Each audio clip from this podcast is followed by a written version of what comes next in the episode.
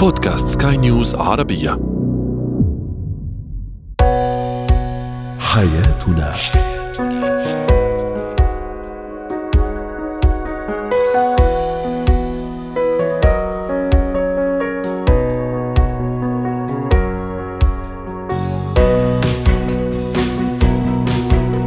مستمعينا الكرام أهلا بكم معنا إلى حياتنا فضاؤكم اليومي الذي يعنى بشؤون الأسرة وباقي الشؤون الحياتية الأخرى والذي يمكنكم الاستماع اليه عبر منصة Sky News Arabia dot com slash podcast وباقي منصات سكاي نيوز عربية الأخرى. شاركونا عبر رقم الواتساب 00971 561 88 622 معي أنا ابتسام العكريمي. نتحدث اليوم عن طرق التعامل مع الشريك الذي لا يحب التجمعات العائلية، نتحدث أيضا عن أساليب تربية الطفل على أداب التعامل مع الآخرين في المدرسة وكيفية اختيار مستحضرات التجميل وهل يكون دائما المنتج الأغلى سعرا هو الأفضل للبشره. هو وهي من المتعارف عليه تنظيم بعد كل فترة جمعة عائلية سواء لأهل الشريك أو الشريك على حد السواء. تبادل أطراف الحديث وتوطيد العلاقات الأسرية أكثر فأكثر. لكن أحيانا قد لا يفضل الشريك سواء كان الزوج أو الزوجة الجلوس في هذه التجمعات العائلية أو حتى إطالة الجلوس لأسباب قد يجهلها الطرف الآخر. طرحنا سؤالنا التفاعلي كيف تتعامل مع الشريك الذي لا يحب التجمعات العائلية. ورحبوا معي مستمعينا الكرام بضيفنا العزيز دكتور هاني الغامدي المستشار النفسي والأسري. يسعد أوقاتك دكتور هاني. إذا هذا هو سؤالنا التفاعلي وبعض التعليقات وصلتنا على منصات سكاي نيوز عربية. تعليق يقول أنصحه دائما أن أنه ليس أقل من الآخرين وانه الإنسان بطبيعته اجتماعي وعليه أن يكسر كافة المخاوف التي ولدت بداخله لكي يستطيع التعايش بحب مع الجميع. وتعليق آخر يقول لا بأس من أني أتفهم رغبات الشريك ولا ألزمه بأي أمر. أهلا وسهلا بك معنا مرة ثانية دكتور هاني. اذا الشريك الذي لا يحب التجمعات العائلية أو الجمعات اللي بيكون فيها الأهل والأقارب في اللي بيقول لك مثلا أنا لا أرغب بالأحاديث المطولة في اللي ما بيرتاح لما يجلس مع عدد كبير من أفراد العائلة فهنا كيف أتعامل مع هذا الشريك دكتور؟ أهلا وسهلا بك السيده ابتسام وبكل المستمعين والمستمعات الاكارم. أهلا بحضرتك. اولا يجب أن نصنف هل هذا الشخص يعاني من عرض أو مرض نفسي معين بمعنى إنه عنده رهاب اجتماعي على سبيل المثال وبالتالي هو معذور إلى حد ما ولو إنه المفترض انه هو يكسر هذا الأمر من خلال آه إيجاد نفسه في ميدان التجربة لمحاولة تجاوز هكذا عرض أو مرض لو جاز التعبير. نعم. هذه نقطة. النقطة الثانية بارك الله فيكم بعض الأشخاص قد احتمال بأنه هو ما عنده اهتمام إلا بشريحة معينة من التجمعات، يعني الشلة بتاعتي أصدقائي أنا أجتمع معهم. الاهتمامات الفكرية يعني. الاهتمامات الشخصية بالنسبة له مثلا على زي الورق أو ال dominoes whatever يهمني في الآخر إنه هو يهمه التجمعات مع أصدقائه. التجمعات الأخرى اللي من الواجب إنه هو ينظر لها بعين الاعتبار هو لا يراها بأهمية بمكان بالنسبة له سواء كانت هذه التجمعات من طرفه من أهله أو من أهل الزوجة. وبالتالي هذا الشخص يحتاج إلى توجيه وإعادة ترتيب للأفكار. إنه ترى هناك بعض الأمور الاجتماعية يجب أن تطبق من خلال وجودك سواء كان في تجمعات خاصة بأهلك أنت بمناسباتكم أنتم من أهل الزوج أو من أهل الزوجة والعكس صحيح. جميل جدا، طيب هل من الممكن هنا دكتور هاني أن يتضايق الطرف الآخر آه، من هذا السلوك خاصة إذا كان من محبي اللمة والجمعة ويتسبب الأمر في مشكلة بين الزوجين خاصة إذا تم مثلا الحديث مرة واثنين مع الشريك؟ يقينا ابتسام لأنه اليوم لو إحنا قلنا على الويكند مثلا نتجمع على البحر أو في كابينة أو في استراحة أو إنه هناك تجمعات في البيوت على سبيل المثال في بعض العوائل وكل مرة زوجي مش موجود أو زوجتي مش موجودة. فأعتقد إنه هذا أمر محرج. أيضا الناس ما حتسيبه في حاله أو ما حتسيبها في حالها. وين زوجك؟ ليه ما بيجي معانا؟ وبالتالي هو ضغط مستمر اسبوعيا في هذه التجمعات بإنه في الآخر أنا منقوصة أو أنا منقوص لأنه الشريك مش موجود معايا. وهي أمر محرج جدا حقيقة ويتسبب في إنهم حيقعدوا يحلوها بقية الأسبوع لحد ما يجي الأسبوع اللي بعده ويكرروا نفس الكرة مرة. ويحللوا ويناقشوا على على رأيهم. طبعا وفي الآخر هو أو هي من المتضررين المحرجين من هذه الأصوات اللي بتنادي بعدم وجود هذا الشريك معك أو معك، اذا بالتالي أنا عندي مشكلة وحشيل هذا الأمر وهذا الهم وأجي أحطه في بيت الزوجية. لمناقشة الشريك إنه ليش ما حضرت والله يخليك تحضر وما يصير وعيب واكلوا وجهي والكلام اللي إحنا عارفينه ولكن إحنا يجب أن نكون كمان يعني واعين شوية ابتسام ويكون عندي شوية نظرة آه، لما هو عليه الواجبات الإنسانية في العلاقات التشاركية ما بين الأطراف. بالضبط. يعني حتى لو أنا ضاغط على نفسي إلى نسبة 20 30 40 50% إنه أنا على الأقل أبيض بوجه الشريك أو الشريكة إنه أنا أحضر إلى هذه التجمعات حتى لو ما بدي أطول حتى مجاملة يعني. يا سلام عليك. حتى أقل ما فيها وريت وشي. بجلس معاهم لمدة نص ساعة ساعة. حتى لو كان الأطراف الأخرى ربما لا يرتقوا إلى المستوى الفكري أو الترفيهي اللي أنا بيعجبني. أحاديثهم ساذجة أو ما تتناسب معي إنما من الواجب على الشريك إنه ما يحرج شريكه وبالتالي يجب إنه هو يكون يعمل عملية تحضير لو جاز التعبير. بأنه أنا حضرت أجلس معكم شوية ثم أنطلق إلى ما هي مشهياتي الحياتية؟ أنا إذا كنت عندي شلة أخرى أو أمر آخر ممكن أنا أقضيه. لكن ما نحط الشريك في هذا المكان أو هذا الموقف إلا إذا زي ما أنا ذكرت في بداية الحديث عنده إشكالية في مرض أو عرض معين أو هناك مشاكل حاصلة كمان ابتسام ربما تكون. بين أفراد العائلة أو الأقارب ربما. نعم. نعم أنا كل مرة بجيب زوجتي أخواتي بيستلموها وبيطقطقوا عليها وبيدقدقوها بالكلام. أنا أكيد ما حجيكم المرة الجاية. بالضبط. هنا يعني يحصل النفور. طيب نجي للحلول دكتور هاني. هل من الصحي للعلاقة الزوجية أني أحاول تغيير طباع الشريك بما يتلائم مع طباعي عشان يكون في تفاهم أم لا؟ يعني لابد علي إني أقبل بشريكي كما هو حتى لو يعني بعض الصفات الموجودة فيه ضايقتني شوي. جميل جدا السؤال. إحنا عندنا بابين أو مسارين. إما أحاول أقنعه وليس تغييره بالإقناع بالتودد والمحبة والغنج الأنثوي أو بالدلال الخاص بالمرأة أو العكس لما يكون الدور معكوس بحيث إنه في الآخر حبيبتي تعالي معلش وهذه نقعد شوية وننبسط ووجودي وهكذا. يعني سدد وقارب. هذا باب الباب الآخر إذا وجدت أن هناك صدام مستمر في هذا الباب خليني أعيش حياتي يا ابتسام.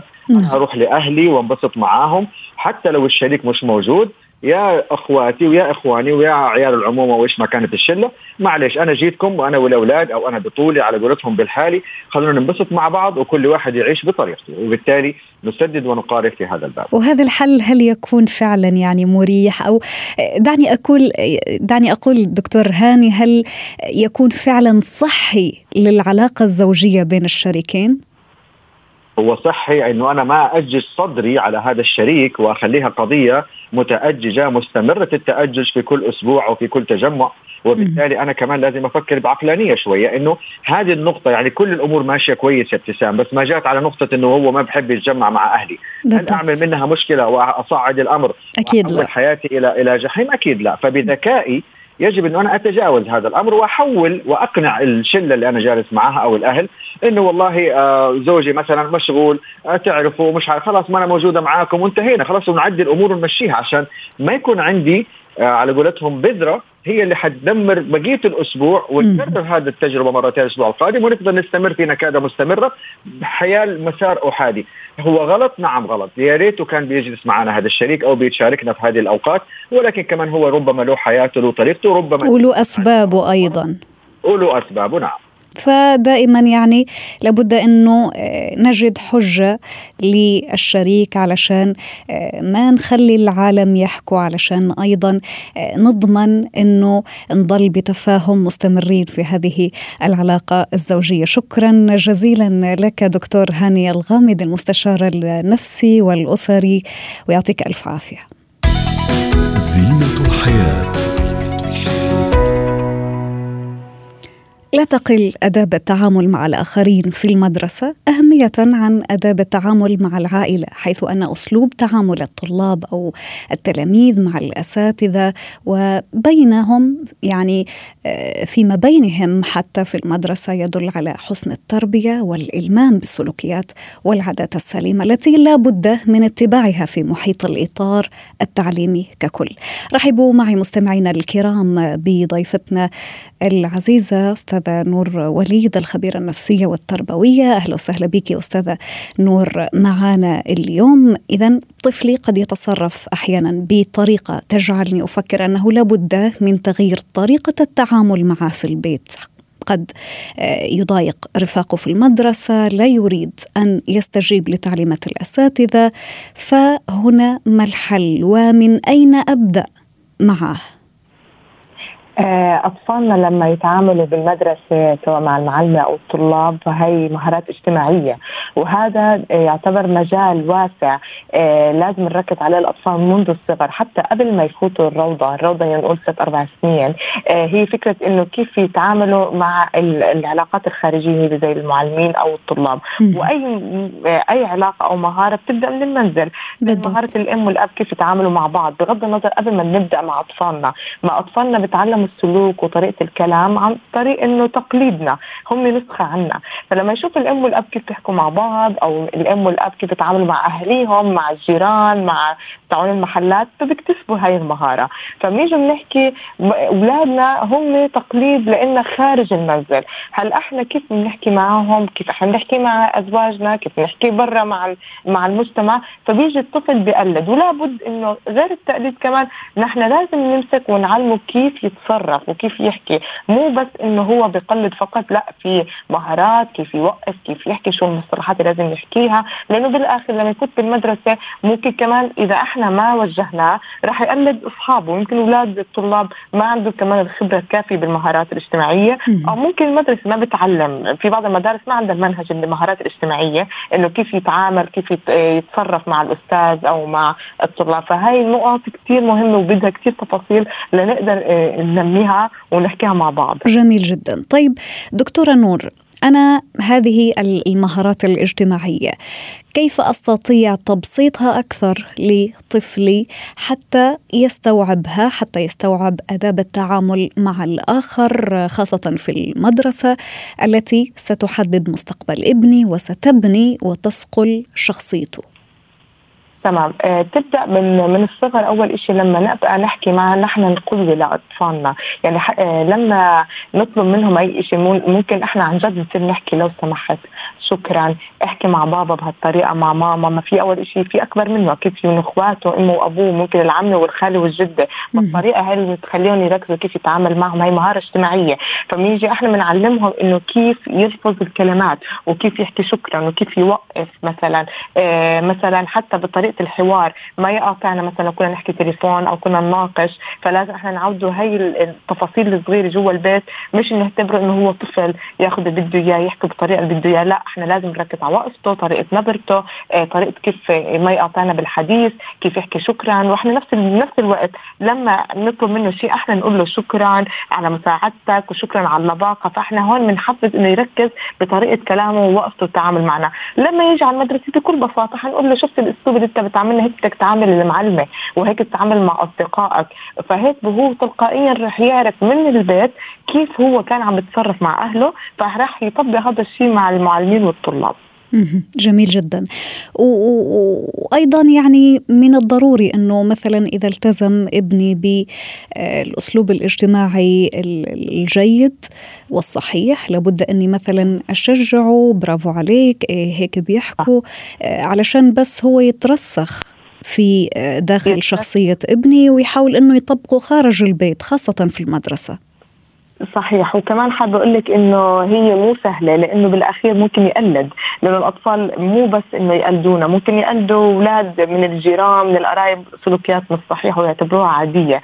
فإحنا نحاول قدر المستطاع لنبني هاي المهارات. أول شيء صار في عندنا بالكرتون كثير فيديوهات تعليمية آه، بتعلم الأطفال بالإنجليزي وبالعربي وجميع اللغات المصطلحات اللي لازم آه، نحكيها مع الأكبر منا. في قصص كمان حلو نجيب القصص نحكيها لأولادنا قبل النوم. ما نختار القصص بس الخيالية. في قصص تعليمية ومن الكتاب لما تشتري القصة بيكون كاتب لك العمر آه وشو فايدة القصة يعني من خلف القصة. إنه مثلا فائده هذا الكتاب ليتعلم الطفل المهارات الاجتماعية كيف يسامح كيف كيف يتصرف داخل الصف يتعامل مع المعلم. فحلو نحفز هي القصص لأطفالنا. وكمان في نقطة حلوة إنه ممكن كمان لو آه بدنا نحفز أو نقوي المهارات الاجتماعية عن طريق التمثيل. يعني ممكن بالبيت أقول له أنا المعلمة أنت الطالب. فهيك إحنا نهيئ كيف الأسلوب نتأكد. وكمان نعطي مساحة لأطفالنا. لما نطلع عادي جدا مثلا لما نكون بالسوبر ماركت بقول له أنت آه، جيب الغرض أنت استأذن اطلب من البايع شو بدك.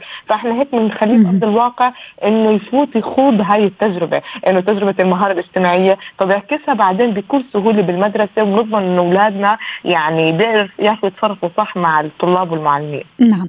طيب العقاب. هل يجدي نفعا مع الطفل إذا لم يستجب أم لابد أني أحاول أفهم وجهة نظره؟ ليش يتصرف بطريقة قد ما تعجب الاساتذه أو حتى زملائه ورفاقه واصحابه وما تعجبني أنا أيضا. صحيح. طيب خلينا نحكي حسب العقاب وين. إذا كانت المعلمة ما عجبها تصرف الطفل أنا مش مع يعني كتربوية ما مع مش مع إني أحرج الطفل قدام زملائه. لأنه بالأخير حيجي الأولاد نوع من التنمر. أنا ممكن أمسكه على جنب وأقول له التصرف اللي عمله غلط وبعدين بمسك الطلاب بشكل عام من غير ما أحكي مين طلع على التصرف بروح بعطيهم درس بتغيير بعض الأفكار والأخلاقيات وطرق التعامل المهارات فأنا بكون هون غيرت كثير فكرة من من تصرف الأطفال يعني بالاخير إنه أنا لو كنت كمعلمه وطالب طلع مني هالتصرف فأنا متاكده طلاب ثانيين ممكن يقلدوه. فإحنا نحاول نداري الموضوع الطالب إنه آه، نوجهه آه، بتغيير سلوكه انفراد عشان ما يصير إحراج وما يصير بعدين الاولاد يتنمروا فيه. وبعدين بين بالصف بنحكي موقف إنه صار أنا كمعلم بحكي صار معي موقف من طالب من طلابي وعمل لي هيك وأنا نصحته وحنصحكم بليز انه أنا أأكد إنه يغيروا من طريقة تعاملهم. أما بالمنزل لو المعلمه الام عفوا وصل لها شكوى من طلاب من ابنها فلازم آه، بالتعاون مع الإدارة إنه تتأكد إنه ابنها ما ينحرج وإنه هي رح تنصح. وكمان المدرسة تحاول تنصح الطفل وتتأكد هل هذا السلوك من وين اكتسبه من أصحابه أو إنه نحن عندنا المشكلة نقدر إحنا نغيرها. ممكن يكون الولد مكتسب هذا السلوك من أهله. فيكون نعم. الأهل ينتبهوا إنه مثلا ما يكونوا عنيفين أو كذا أو إنه يحاولوا يوجهوه زي ما حكينا بطريقة تمثيل أو القصص ليغير من سلوكه مع الأهل مع مع المعلمين والطلاب. نعم يعني من الضروري جدا يعني متابعة الطفل علشان نتعرف أكثر على سلوكه ونقدر إنه آه، نفهمه أكثر ونتعامل معه. شكرا لك ضيفتنا العزيزة دكتورة نور وليد الخبيرة النفسية والتربوية ويعطيك ألف عافية. جمالك. قد يحدث أن أنجذب أنا وأنت لنوعية مستحضرات تجميلية ربما شاهدتها على الإعلانات أو على مواقع التواصل أو حتى من خلال تجربة صديقة مع هذه المنتجات. أذهب لاقتنائها وأجد الكثير من الخيارات بين المستحضرات المستحضرات أو الميك أب الغالي ومستحضرات أخرى مناسبة الثمن وفي مقدور أي شخص أنه يقتنيها. وهنا يبرز أكثر من سؤال في ذهني. سنطرحهم مع ضيفتنا اليوم آه، دكتورة لما بلطجي خبيرة التجميل والبشرة. أهلا وسهلا بك دكتورة لما ويسعد يومك. إذا أسئلة كثيرة ممكن تحوم برأس أي امرأة قد تذهب لاقتناء مستحضرات التجميل. هل أختار المنتجات غالية الثمن أم المناسبة؟ أم أن الثمن ليس بمعيار دكتورة؟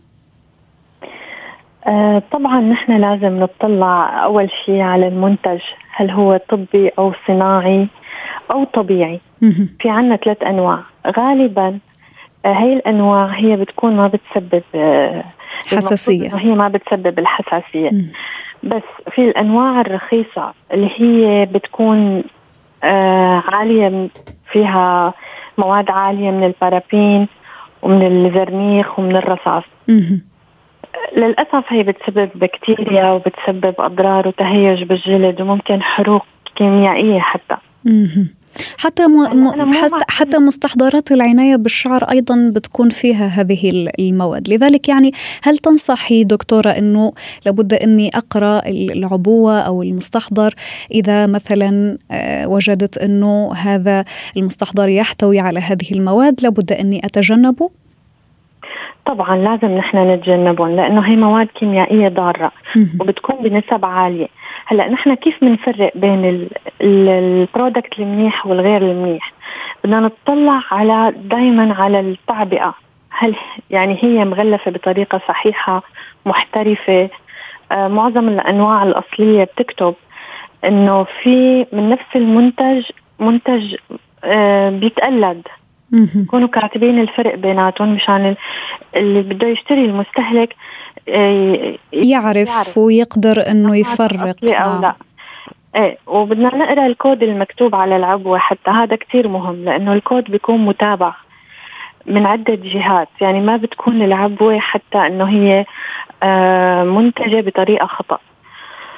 نعم. وبدنا نتأكد إنه آه، نحفظها بمكان منيح.